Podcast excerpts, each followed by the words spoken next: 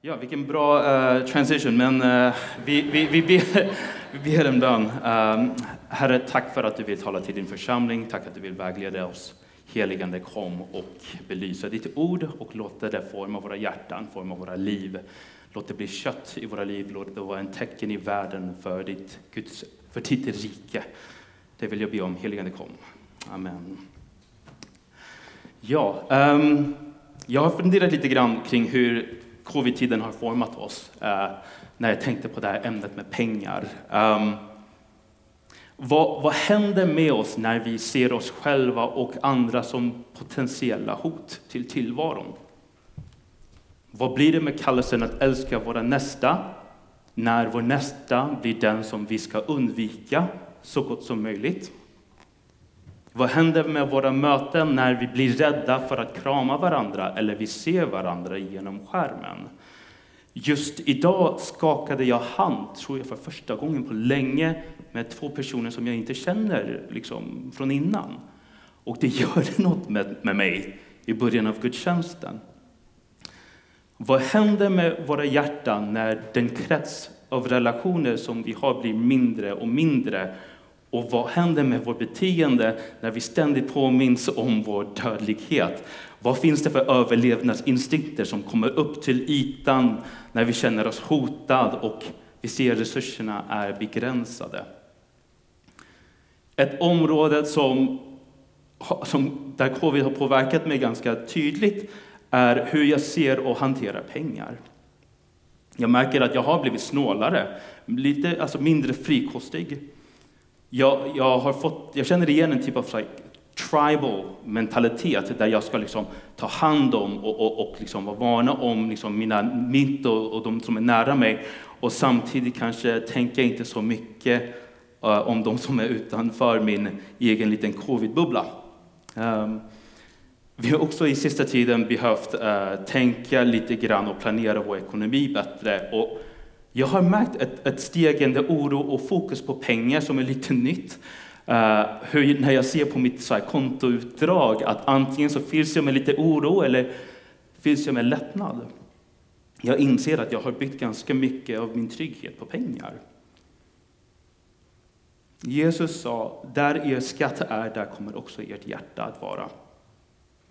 Det kanske låter lite så mystiskt eller gåtfullt, men, men det han menar är egentligen ganska så enkelt och, och självklart. Och det är att hur vi använder våra pengar visar vad som är viktigt i livet. Vad vi lägger pengarna på, det visar vad som är viktigt för våra liv. Men hur vi använder pengar formar, formar också hur vi lever formar vi som människor. Och det är därför Jesus varnar om pengar och benämner det som mammon och jämför det, alltså jämför bundenhet till pengar med avgudadyrkan. För pengar det kan fresta oss på olika sätt. Eh, den kan dra oss med ett hopp om status, hopp om tillgång, influens, makt, nöje, frihet eller i, i mitt fall trygghet. Och när vi låter våra beslut, våra beteenden, um, ehm, våra attityder, hur vi ser på oss själva, hur vi ser på andra, uh, styras av pengar, då är det faktiskt så att vi ger pengar en auktoritet som bara Gud kan bära. Så pengar, det är, så, det, det, är det som blir uh, vad vi sätter vår hopp till. Um, det är det som ska rädda oss, det är det som ska vägleda oss, forma oss. Det är där vi hittar vår trygghet, vår glädje, vår frihet. Och vad händer då? Ja, då börjar vi ge vår tillit, vår trohet till pengar och inte till Gud. I Lukas kapitel 12, där vi hittar vår predikotext för dagen, eh, det är ett sammanhang där Jesus uppmanar sina lärjungar just om vikten av att leva i trohet till honom. Och han varnar dem för den kommande förföljelsen och frestelsen att, att förneka honom innan han kommer tillbaka. Och sen i det här samtalet med lärjungen så plötsligt så, så avbryts det av en fråga som kommer lite grann like from the side. Mästare, säg åt min bror att dela arvet med mig. Han svarade, vem har satt mig att döma eller skifta mellan er? Och han sade till dem, akta er för allt habegär. En människas liv beror inte av överflöd på ägodelar. Sedan gav han dem en liknelse. En rik man hade fått god skörd på sina jordar. Han tänkte för sig själv, ah, vad ska jag göra? Jag har inte plats för hela skörden. Han sade, ah, så här ska jag göra. Jag river mina lador och bygger större så att jag får rum med säden och allt annat jag äger. Sedan kan jag säga till mig själv, nu min vän är du välförsörjd för många år framåt. Du kan vila ut, ät, drick och roa dig. Men Gud sa det till honom, din dåre, i natt ska ditt liv tas ifrån dig och allt du har lagt på hög, vem ska få det? Så går det för den som samlar skatter åt sig själv men inte är rik inför Gud. Jag tänker så här, en sak som vi blir påmind väldigt klart eh, är hur skört livet är. Vi har fått en begränsad tid här på jorden och den tid, när den tid tar slut, det, det vet vi inte. Men mannen i den här liknelsen hade hittat sitt förhållningssätt till det här korta livet. Nu min vän är du välförsörjd för många år framåt. Du kan vila ut, ät, drick och roa dig. Och jag tycker inte att det är en oresonlig slutsats när man tänker på livet som en kort stund på denna värld. Varför inte maximera nöjet och minsta ansträngningen? Han fick ju en god skörd och nu är det dags och nu är det chans att leva ut drömmen. Det gällde bara att planera och genomföra det. Och han kan inte bara sälja av skörden, för då mättar han marknaden och det, det minskar i värdet och det kan han inte göra. Så han måste hitta ett sätt att bunkra upp så att när folket, när de blir hungriga och det är svårt att få tag på säd, ah, då, då kommer han vara den enda som står med en stor bunke med säd och då kan han sälja den mycket dyrare. Och då kan han förtidspensionera. Han kan dricka lite Mai Tais vid stranden, spela lite golf, köra lite paddel, leva livet. Det låter som ett smart affärsdrag. Men vad kallar Gud honom? Din dåre. Bibeln beskriver vishet. Den vise som någon som lever i Guds fruktan. Och det betyder inte någon som går runt med böjd rygg och låg självkänsla. Utan det är någon som resonerar och handlar utifrån vem Gud är och vad Gud vill. Att leva med Guds fruktan är att resonera och handla i världen utifrån den Gud är och vad Gud vill. Och på ett liknande sätt då blir en dåre någon som resonerar och handlar i världen utan hänsyn till vem Gud är eller vad han vill. Så att vara en dåre eller dårskap, det syftar, det syftar på ett misslyckande att räkna in Gud än att prata om intelligens eller affärskunnighet. Och mannen i den här liknelsen, han hade ingen vördnad för en Gud som är generös och omsorgsfull, som förser skapelsen.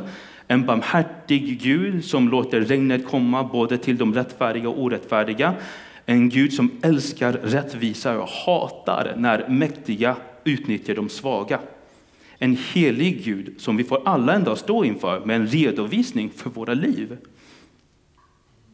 Kanske ett närmare exempel som kanske vi kan känna igen lite tydligare är dårskapet när någon ska köpa in bristvaror under en pandemi och försöker sälja dem för att tjäna pengar på andras bekostnad.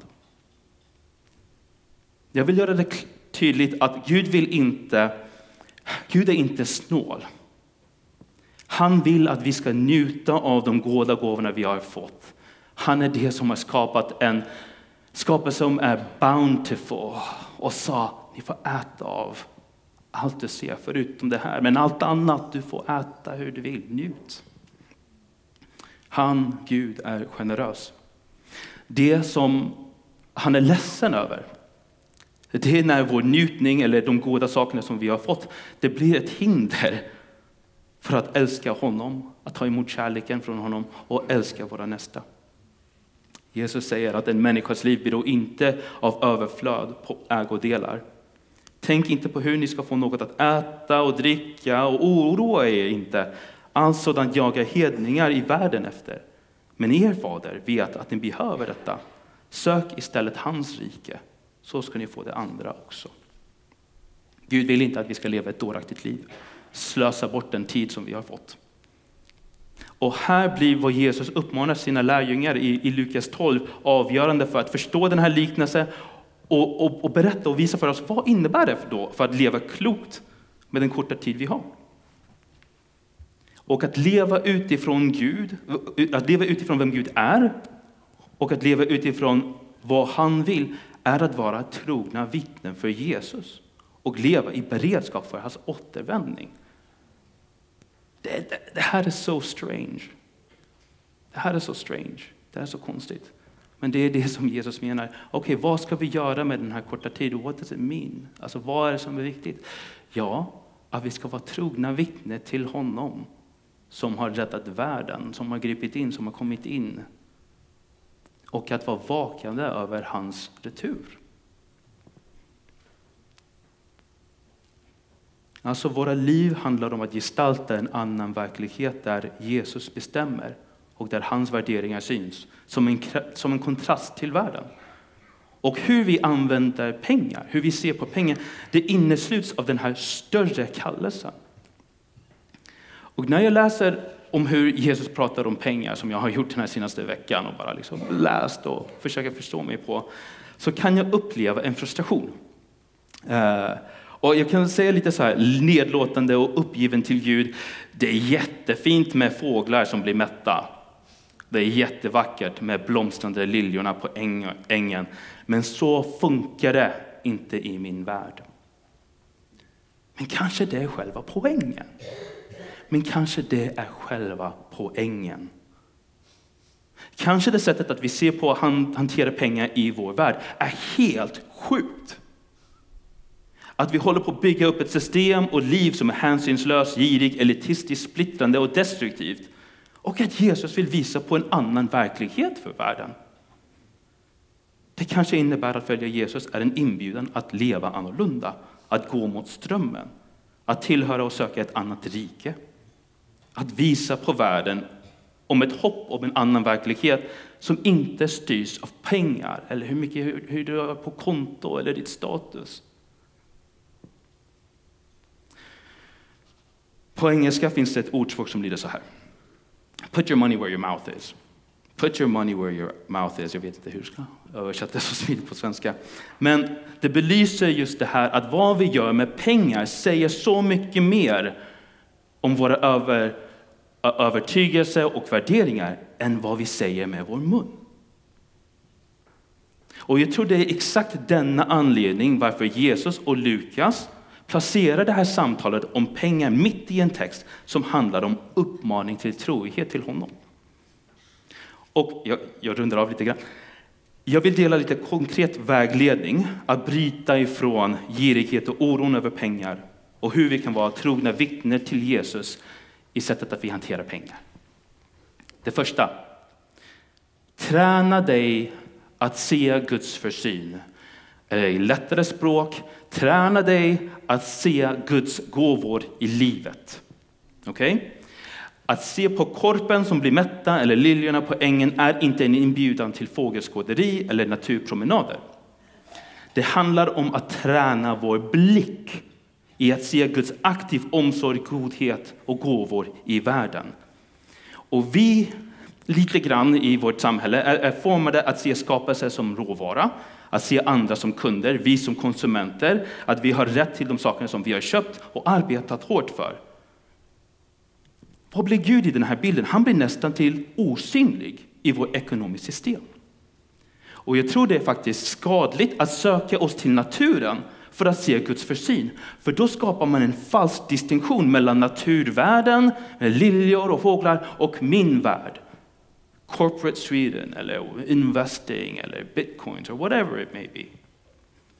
Och jag avfärdar inte hårt arbete och träning, men det är helt men, är, men har det varit helt till vår förtjänst med de talanger, förutsättningar och resurserna som vi har fått?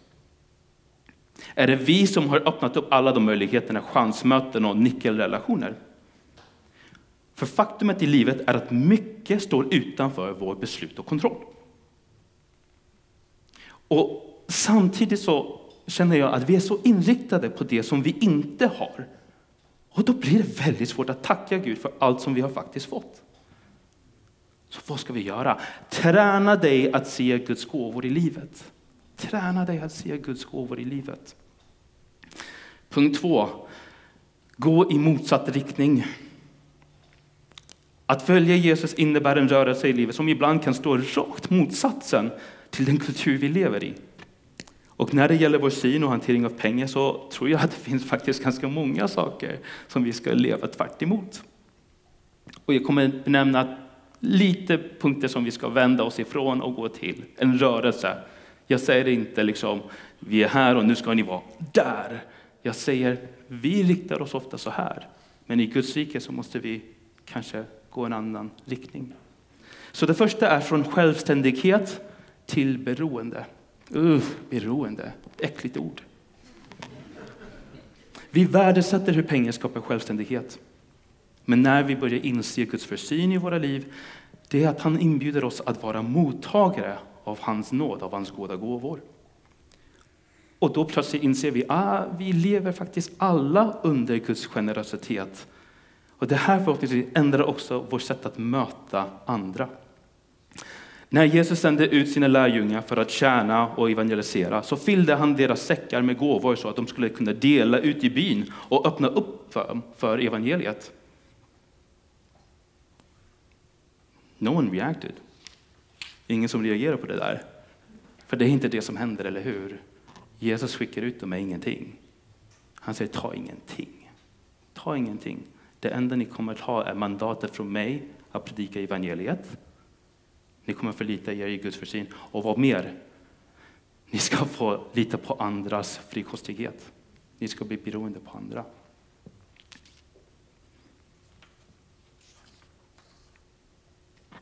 Ibland kan det vara så att de upplever en, alltså en, en miracle. Det kanske blir liksom fem bröd och två fiskar. Men oftast är det så att de blir hembjudna och Jesus säger stanna där, ta emot och predika. Och vi pratar inte där, men jag tycker att det är en ganska bra missionssätt. Jag kallar det för leach, leach and preach. Vad tror ni? Leach and preach. Lite, lite annorlunda kanske hur vi tänker. Uh, Jesus tjänst, hans egen tjänst, den var i understöd bland annat uh, av kvinnor. Några kvinnor som samlade, men, men Jesus, we want to support this guy. Uh, Paulus, som vi vet att eh, han ville inte ställa till som en ekonomisk börda till församlingen, så han var en tältmakare. Och det är sant. Och samtidigt ibland så tog han emot understöd och pengar från församlingen för att göra sin tjänst. En annan rörelse från ägarskap Ägarskap till förvaltarskap. Vi har fått många gåvor och när vi börjar inse det, vi rör oss själva från att tänka oss från att vi äger de vi har till att oj, hur ska vi ta hand om det här som förvaltare? I Lukas 12 så ser vi också en liknelse där en mästare är sent att komma tillbaka och hans tjänare börjar göra det de vill. Och de lever utifrån en kärlekslös sätt och egen kärlek och eh, för deras njutnings skull. Och de, tar hand inte om de kärna folket som mästaren hade anförtrott till dem. Och när den här mästaren kommer tillbaka, han är väldigt upprörd och säger varför har ni inte gjort det som jag har bett er att göra? Varför har ni inte tagit er förvaltarskap på allvar? Sälj vad ni äger och ge åt de fattiga. Skaffa er en penningspung som inte slits ut, en outtömlig skatt i himlen dit ingen tjuv kan nå, där ingen mal förstör. När man blir fångad av Jesus rikes hopp och verklighet skiftar vår fokus från att bygga vårt eget rike till att investera i vad Gud vill göra i världen. Sista rörelsen det handlar om att när vi ser Guds försyn, vi inser att det handlar inte om pengars kraft, utan det handlar om andens kraft. När Petrus är fylld av anden och möter en lam man, så säger han så här. Silver och guld har jag inte, men vad jag har, det ger jag dig. I Nazaren Jesu Kristi namn, stig upp och gå. Jag har redan berättat hur Jesus sände lärjungen utan någonting förutom mandatet och auktoritet i hans namn. Att bota de sjuka, driva onda andar och predika evangeliet.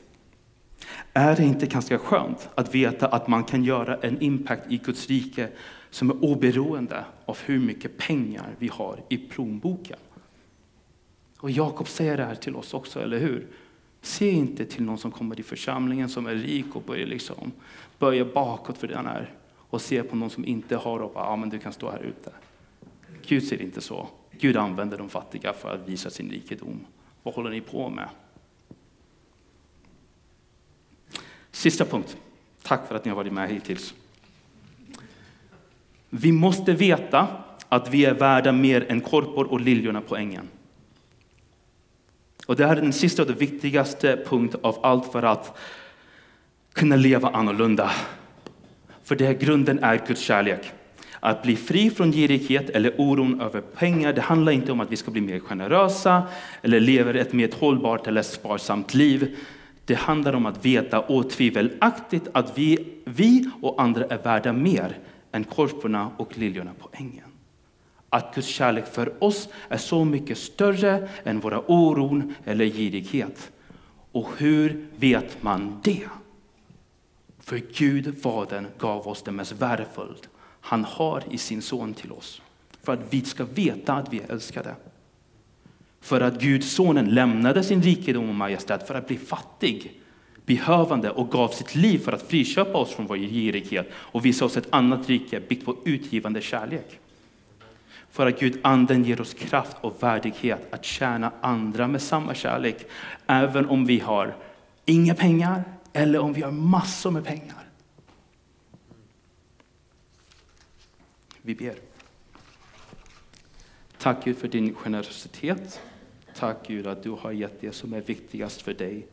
Tack Jesus att du har gett dig själv till oss så att vi kan bli fria. Heligande, tack att du vill smörja oss att leva annorlunda och representera ett rike som ger hopp, som är inte styrt av pengar eller girighet. Herre, hjälp oss, den här församlingen, fyll oss, kom med din ande så att vi kan gestalta ditt rike, gestalta den du är i världen. Amen.